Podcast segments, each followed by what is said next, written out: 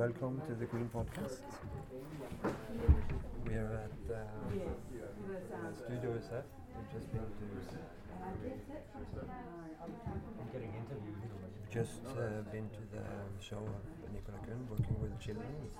Just finished. I'm here with the technician to take it down. It's, uh, it's done off. Um, and, uh, we're here for two reasons. I want to speak with and uh, and also uh, because uh, because you're, uh, you're a biologist or an ecologist. But first, uh, um, what have you been doing? What have you been doing At the so festival? far? Yeah. At the festival. Just Um, exactly. sometimes I'm uh, um, driving around, getting, picking up things, transporting things. Uh, sometimes I uh, do the, uh, the load in, and sometimes the load out. Up lights, uh, loudspeakers, switching cables, sweep, sweeping the floor, moving out chairs, all kinds of stuff.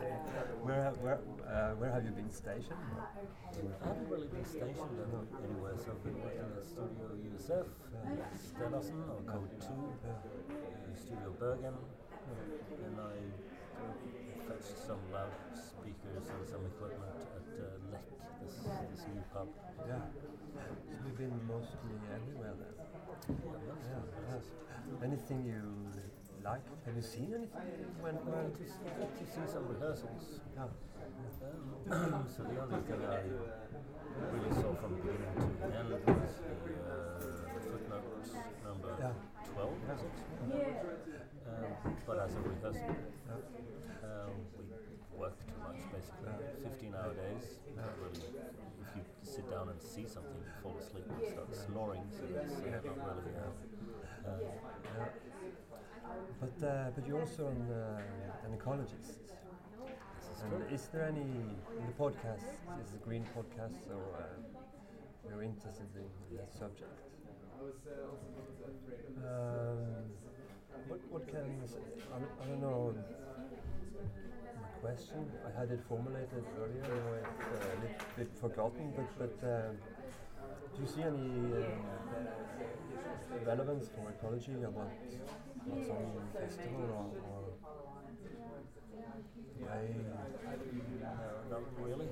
Oh, there was some artwork that, uh, or some stage craft that, that touch on the issue or deal with it, but I don't see, I've yet to see any, anywhere, not, not only in this festival, but anywhere else, any work of art that um, can, can uh, help us deal with this incredible discrepancy between what natural science uh, tells us about what's happening to the environment and, um, today's politics and bus- business as usual, and the art world, the, the, the media.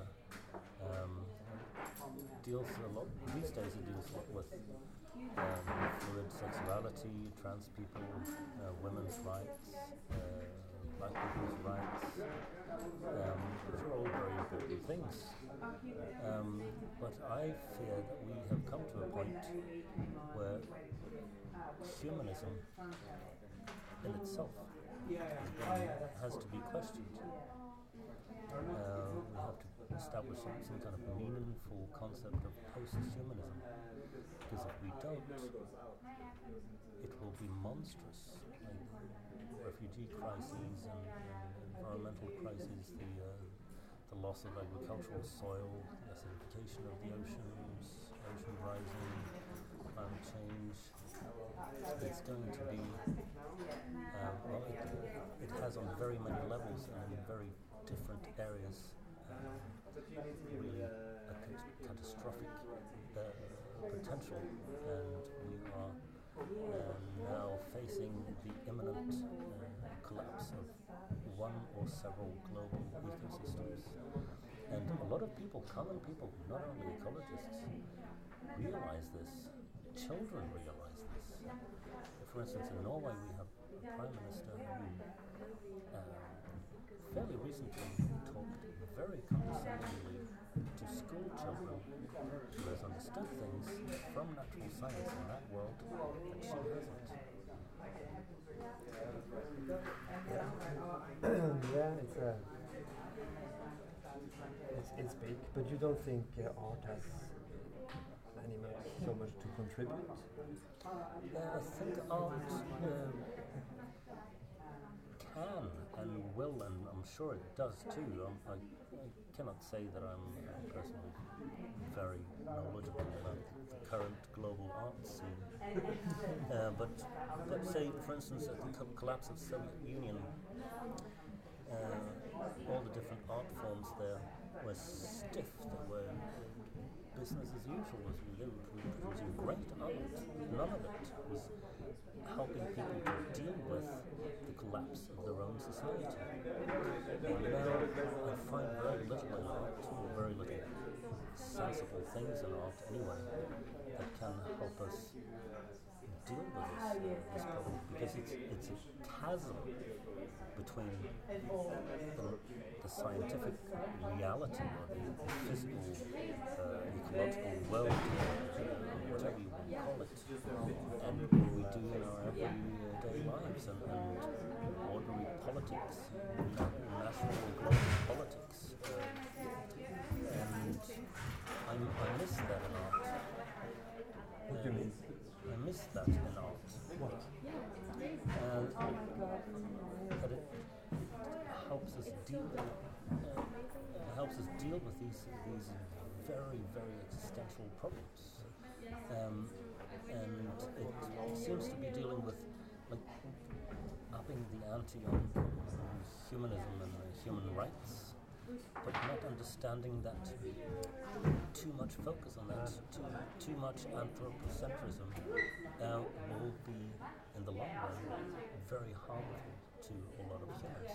Not only humans, but to the wider uh, But I think a lot of people and also an artist, uh, I guess, also technicians are concerned. And, Of uh, course they are. And uh, like the, the Russian Alexei Tegin, he spoke to me about this. And he anthrop- anthropocentrism it has to be has to be gone. Mm. And several people have been talking about post-humanism, um, but none has none of them have proposed a, a meaningful, a useful new concept of post-humanism. Uh, no, I've made a lot, or have they? I'm not sure. Yeah. But thank you very much for uh, for uh, for this uh.